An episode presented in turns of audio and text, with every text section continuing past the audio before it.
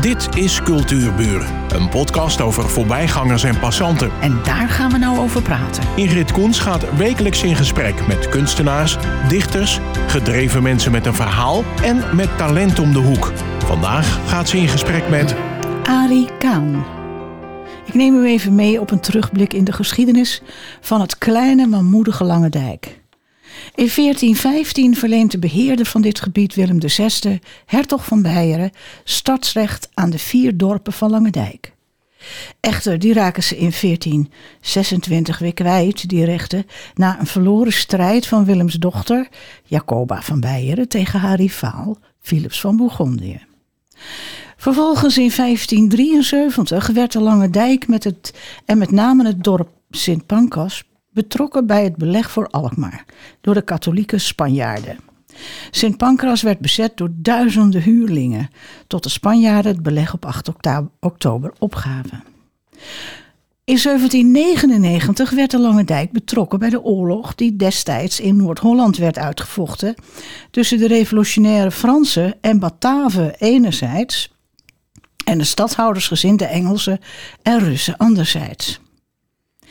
De Nederlandse hervormde kerk van Broek op Lange Dijk werd door de Fransen als paardenstal gebruikt en het rechthuis in Oud-Karspel werd kapotgeschoten. En de laatste oorlog die in Lange Dijk sporen heeft nagelaten, is de Tweede Wereldoorlog. Bij de bevrijding in 1945 bleken 26 Lange Dijkers door het oorlogsgeweld zijn omgekomen. En hier begint ons verhaal. Arie Kaan we kunnen ons geen voorstelling maken van de bezetting door een vijandelijke naties. Dat, dat, wij hebben dat niet meegemaakt, maar dat is natuurlijk wel gebeurd in die tijd. Kun jij een beschrijving geven hoe dat geweest moet zijn in Langendijk in de Tweede Wereldoorlog? Nou, dat uh, was aanvankelijk toch wel een vrij rustig gebeuren. Kijk, het was hier een agrarisch gebied. Dus ook een belangrijk gebied uh, voor de voeding. En dat, uh, ja, iedereen werkte gewoon door. En als ze dat nou maar gewoon deden, en de producten gingen naar de veiling, wel gecontroleerd, dan uh, was hier eigenlijk weinig aan de hand. En hier werd eigenlijk gewoon doorgeleefd en doorgewerkt, in principe. Staat, zaten hier wel constant Duitse soldaten uh, ingekwartierd? Nee. Ook niet? Nee, aanvankelijk niet. Uh, later wel, maar dan praat je al over een paar jaar later. Zeker in Broek op Langendijk. Daar was een kleine groep gestationeerd. En ja, die vielen de mensen ook niet echt lastig. Wat wel gebeurde was dat je op een gegeven moment razzia's kreeg. Maar dan praat je dus ook alweer later in de oorlog. En dan komen er, uh, zeg maar, uh, van, van die vrachtauto's, die komen uit Schorel of uit Alkmaar. En die komen door de dorpstad rijden. En die gaan kijken of daar nog mensen te pakken zijn te krijgen voor de tewerkstelling in Duitsland. Maar echt gestationeerd hier, niet veel. Noordschouw nog een beetje bij bij de Roskambrug, die er nu, nu is, die nieuwe, zat ook wel iets in uh, voor de telefooncentrale. Maar echt soldaten gelegerd? Nee, nee, nauwelijks. We gaan even terug. In, uh, op 1 augustus 1941 werden op bevel van de Duitse bezetter de vier dorpen, Oud-Karspel, Noord-Scharwouw, Zuid-Scharwouw en Broek samengevoegd tot één gemeente. Ja. Wat merkten de bewoners daarvan? Ook niks.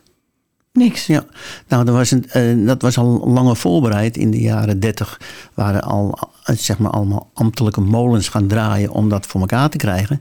Want ja, je had die vier dorpen en er woonden amper 2000 mensen. Uh, met een burgemeester en twee wethouders en een gemeenteraad van zeven personen. Ja, dat was natuurlijk ook wel een beetje overdreven ja. geworden.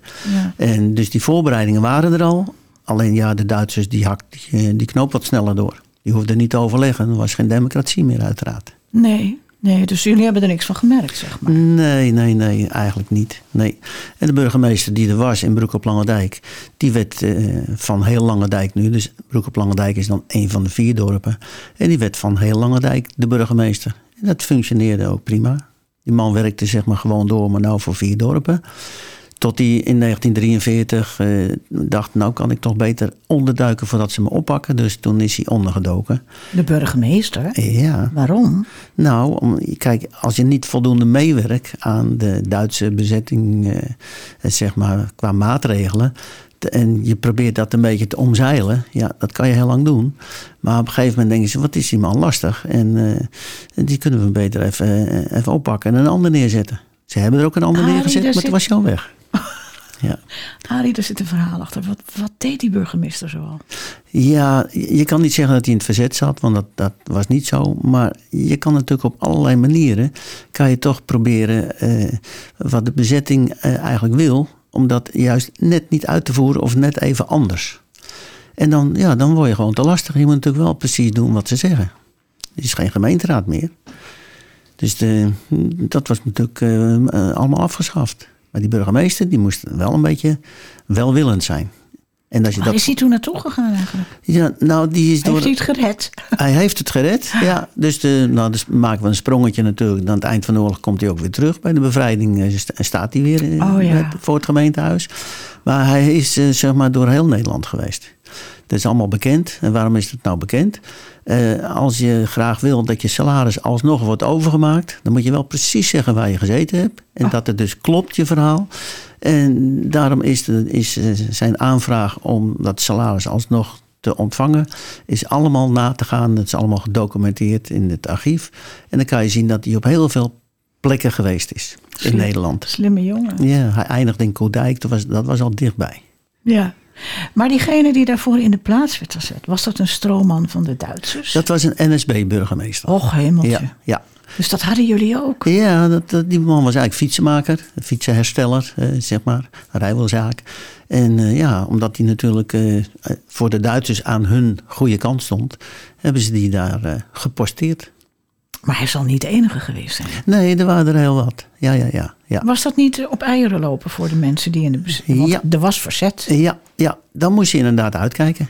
Ja, dat was lastiger. Alleen, ja, dat, die is toch redelijk, zeg maar, eh, eh, nou, eh, een beetje aan de kant geschoven in die zin. Er waren wel twee wethouders en die deden het werk. En ja, die, die wisten dat wel een beetje zo te, te plooien dat hij niet al te veel wist. En dus dat lukte wel. Maar hij was soms wel lastig, ja. ja. Als hij een briefje krijgt met... eh, de, de, dit zijn verzetsmensen, ga er eens achteraan. Ja, dan, eh, dan was hij er blij mee. In plaats van die vorige burgemeester. Die dacht, nou, dat briefje moest ik maar even in mijn achterzak houden. Ja. Ja. Ja. want er gebeurden natuurlijk vreselijke mensen. Ja. Dingen met de mensen in het verzet. Ja. Hoe zat het met het verzet in Langendijk? Nou, dat verzet, dat, eh, dat was toch wel behoorlijk... Was dat georganiseerd? Ja, het was georganiseerd. Ja, ja. En er waren eh, zeg maar twee verzetsgroepen. Er was er eentje in Noordsgewoude en eentje in, in, in Broek. En die waren zeg maar ook in, eh, in een structuur met een, met een commandant en met eh, mensen die werden aangestuurd. En een van de belangrijkste mensen, dat was Peter Verburg. Peter Verburg, die had een hele grote conservenfabriek. Wat nou bijna niemand meer weet. Want dat Was is allemaal weg. zuurkool? Ja, Ja, ja, ja, Een van de onder andere zuurkoolfabriek. Maar hij deed alles hoor. Hij maakte van alles in. En die man die was eh, commandant van een verzetsgroep. En dat heeft me wel verbaasd dat hij eigenlijk nooit is opgepakt. Terwijl hij toch heel veel deed. Wat deed hij onder andere? Nou, eigenlijk van alles. Eh, als er uniformen waren gestolen van de Duitsers in Amsterdam, dan ging hij ze verbergen in zijn fabriek ergens, bijvoorbeeld. En als er iemand moest worden eh, eh, ondergedoken ergens, dan eh, kon hij dat brengen met, met een auto. Allemaal dat soort dingen. Ja, die was dan behoorlijk in het verzet. Niet, ik denk niet gewapend verzet, niet dat ik weet tenminste. Maar wel heel veel verzetsactiviteiten. Ja. En dat is nooit uitgekomen. Nee, hij is nooit opgepakt. Nee. Slimme jongen. Ja, er is wel een keer een, eh, een enorm eh, onderzoek geweest naar Razzia. Want Ja. ze, ze vermoeden natuurlijk wel iets. Maar ja, eh, ze hebben niks gevonden. Ja, dus eh, goed genoeg verstopt, zeg maar.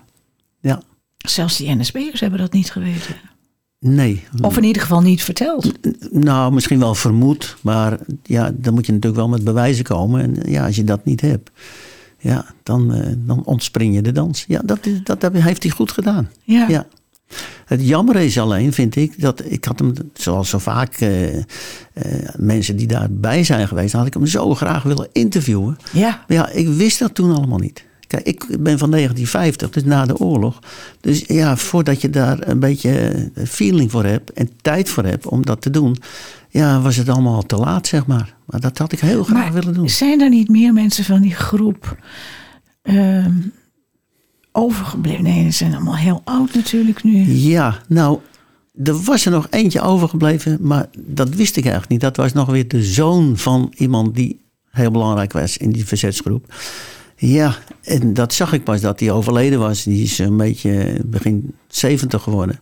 Ah, dan denk ik, die zat, die, die zat ook in die groep en die had Ja. ik nog alles kunnen vragen.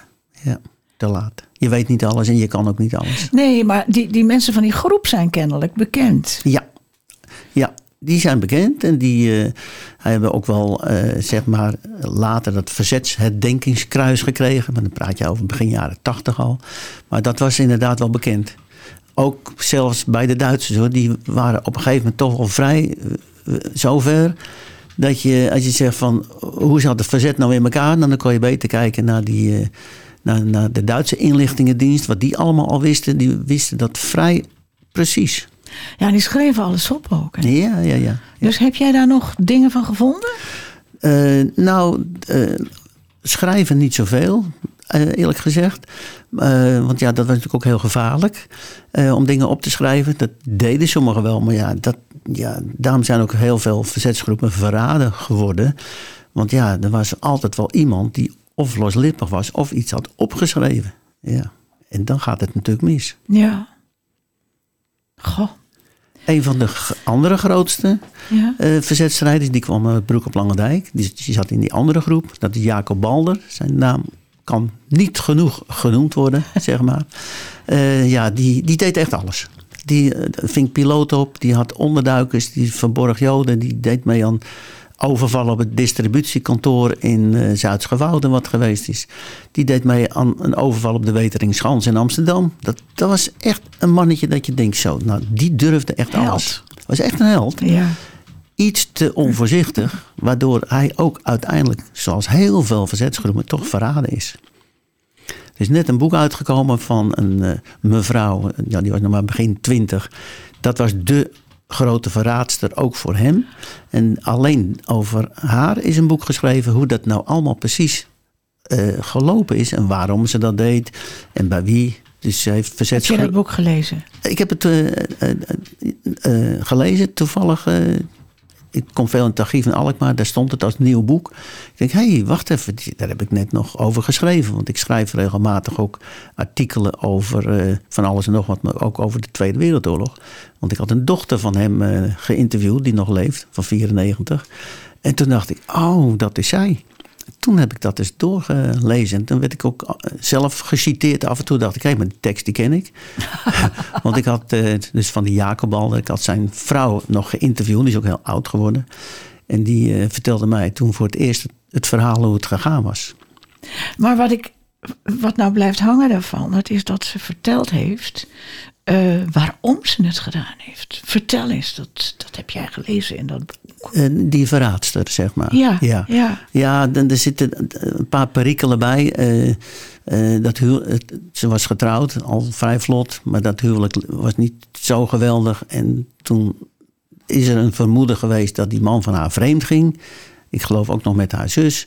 Dus ja, toen eh, is op een gegeven moment gevoelig geworden voor, eh, voor andere dingen. En die zat eh, wel aan de goede kant, zeg maar. En toen heeft zij uit, uit rancune heeft ze zich eh, zeg maar, laat, laten leiden om die Duitsers allemaal inlichtingen te geven. Dus ze kwam naar iemand toe met een zielig verhaal. En als ze dan genoeg wist, dan zei ze, nou, dat, dat, dat gaf ze allemaal door. Werd ze ook heel goed voor betaald. En dan werd het zaakje opgepakt. En dan ging ze naar de, naar de volgende, zeg maar. En in de Zaanstreek heeft ze dat, eh, zeg maar, eh, gedaan. En ook bij de Jacob Balder. Oh, Die zei dus ook te veel. Het was een charmante vrouw, mooie vrouw met een zielig verhaal. Ja, en dan eh, was hij iets te loslippig. een soort Matahari. Ja, ja. Het is ook de vraag of die nou echt Ja, dat is wat anders, ja. Ja. Ik heb haar boek ook gelezen. Ja, dus en dat is goed. helemaal nog steeds niet Ja, bewezen. nee, nee, ja. nee, nee. Maar eh, het, ze heeft een naam, helaas. En het gekke is eh, ook nog, dat ook weer eh, heel bizar, zoals zoveel dingen uit toeval zijn. Die is op een gegeven moment door het verzet, voordat die Jacob Balder werd opgepakt trouwens, is ze door het verzet eh, omgebracht. Want ze dachten, ja, die is veel te gevaarlijk. En bij Rustenburg in een dijklichaam eh, hebben ze dat eh, begraven, die mevrouw. En je gelooft het niet, maar die Duitsers die moesten in 1944 allemaal schuttersputjes laten graven. Want die Engelsen hadden de overmacht in de lucht. En die eh, schoten alles kapot. Dus dan moest je je wel kunnen verstoppen, verbergen in verband met die kogels van die vliegtuigen. Dus er was een aannemer die kreeg die opdracht om allemaal schuttersputjes te graven. Nou, je voelt het al aankomen. Die zit net daar in die dijk en die vindt dat lichaam. Na een dag of tien. En toen begon het natuurlijk allemaal te lopen. Dat ja, maar waarom is die mevrouw nou vermoord? En waar is ze geweest? En oh, ook bij die Jacob Balder. eh, Nou, dan moesten we maar eens even. Enzovoort. En toen is hij uiteindelijk opgepakt. En, ehm, en die vrouw heb jij nog gesproken? Nee, nee Oh. die vrouw is dus vermoord. Die is hè? vermoord, ja, oké. Ja, door, door het verzet. En de, de vrouw van die Jacob Balder zelf, dus de man had een gezin van zes kinderen. Jongste babytje was eh, amper een half jaar. Die eh, is toen opgepakt en die vrouw bleef alleen achter met die zes kinderen. Ja. Hij is ook eh, vrij snel vermoord in de duinen bij, bij Bloemendaal. En die vrouw, die heb ik gesproken, want die is heel oud geworden. Die is uiteindelijk 100 jaar geworden. En die he- heeft mij het verhaal verteld hoe dat gegaan is. Want die heeft die verraadster waarschijnlijk ook gekend. Ja, ja. Toen wist zij dat nog niet zo precies zoals ik nu weet via dit boek. Ja. Want ik heb er eh, ruim twintig jaar terug eh, gesproken. Maar zij wist me wel te vertellen hoe het gegaan was. Hè. Wel- Welke auto kwam eraan, wie stapte eruit en hoe werd hij gearresteerd. En, eh, en allemaal dat soort dingen. Hoe, he- hoe heeft zij het verder kunnen redden? Dat soort dingen. Ja. Dus Dat, zijn verhalen waar je stil van wordt. Hè? ja, ik vond het ook. eh, ja, ik vind die dingen natuurlijk razend interessant. Want ja, ik heb een historische eh, hobby in, in van alles en nog wat. Maar als ik dat dan eh, hoor, denk ik zo. En ze had het ook nog nooit eerder verteld. Ze zegt, ja, er zijn al zoveel journalisten bij me geweest. Die wilden het ook precies weten. Ik heb ze allemaal weggestuurd. Ik kwam, denk ik, precies op het goede moment. En eh, ja, ik denk dan altijd, ik heb misschien eh, net, net genoeg eh, vertrouwen gewekt bij haar na het eerste gesprek. En toen heeft ze me, ik ben een paar keer bij haar geweest. Ik heb het ook al laten lezen wat ik gemaakt heb. Nou ja, vond ze goed. Ik mocht het gebruiken. En toen pas is het dus bekend geworden. Hoe Wat het een is. drama. Ja, ja, ja, ja, ja. ja, ja. En, en zoals zo'n verraadster gewoon in zo'n dorp doorleeft. Nou, en gewoon levens op ter geweten heeft. ja, nou, die eh, verplaatsen zich, zich voortdurend. Hè? Oh, toch wel? Ja, want die, ja, ze moest, door dat zielig verhaal moest ze ook steeds onderduiken, zei ze. Dus ze, nou, misschien had ze nog wel een eigen huis, maar ze was voortdurend eh, op pad, zeg maar. Ja, ja. Ja, Ja, want het werd dan toch bekend. ja, ja steeds meer natuurlijk. Zeker hè. in die, eh, Ja, in die eh, hoe heet het, bevrijdingsgroepen, zeg maar. Ja. Die dat ja, dan ook weer doorvertelden. ja, Want er was telefoon. ja, maar dat had bijna niemand hoor. Nee, de dokter en de pastoor. Ja, dat had bijna niemand. Ja. Ehm, zijn er nog ja, papieren achtergelaten eh, van beide partijen? Zijn er papieren overgebleven vanuit die tijd? Ja, er, nou, er is een archief eh, van de gemeente en dat is uiteindelijk eh, belandt dat dan in Alkmaar. Hè. Dat is het, het, het regionale archief en die heeft heel veel gemeentes onder zich, zeg maar. En daar kun je nog heel veel vinden. Ik heb dat hele archief van de Tweede Wereldoorlog ook doorgeploegd. ja, daar kom je van alles eh, tegen. Dat is razend interessant. En daar kun je wel het een en ander vinden. Maar dat zijn heel vaak ambtelijke stukken. Oh ja. Niet, zo, niet zozeer, Wat is er eh, eigenlijk met die, eh, die NSB-burgemeester gebeurd? Ja, die is opgepakt na de oorlog. En, en, eh, En verdwenen. die kwam in de gevangenis. Hij had Oh, nog ja. een paar dochters en die werden onder curatele gesteld. En eh, eh, bij iemand anders geplaatst, zeg maar. En ik weet niet hoe oud hij geworden is en zo. En hoe lang hij heeft vastgezeten. En dat weet ik eigenlijk niet uit, uit mijn hoofd. Maar dat is allemaal wel na te, te gaan natuurlijk. Hij was in ieder geval uit jullie zicht. Ja, ja Dat nee, was die maar werd goed meteen, ook. Ja, ja die werd meteen opgepakt. Ja. Ehm, hoe is jouw ehm, interesse voor de geschiedenis van Lange Dijk? Nou ja, je bent er geboren. Ik ben geboren en getogen in uh, Noordschewoude. Ja. En ja, dat, dat is uh, iets waar je mee geboren wordt. Net als dat je goed kan voetballen bijvoorbeeld. Heb ik een historische interesse. Dat had ik als, als jongetje al. Zodra ik uh, de meester een geschiedenisverhaal hoorde vertellen.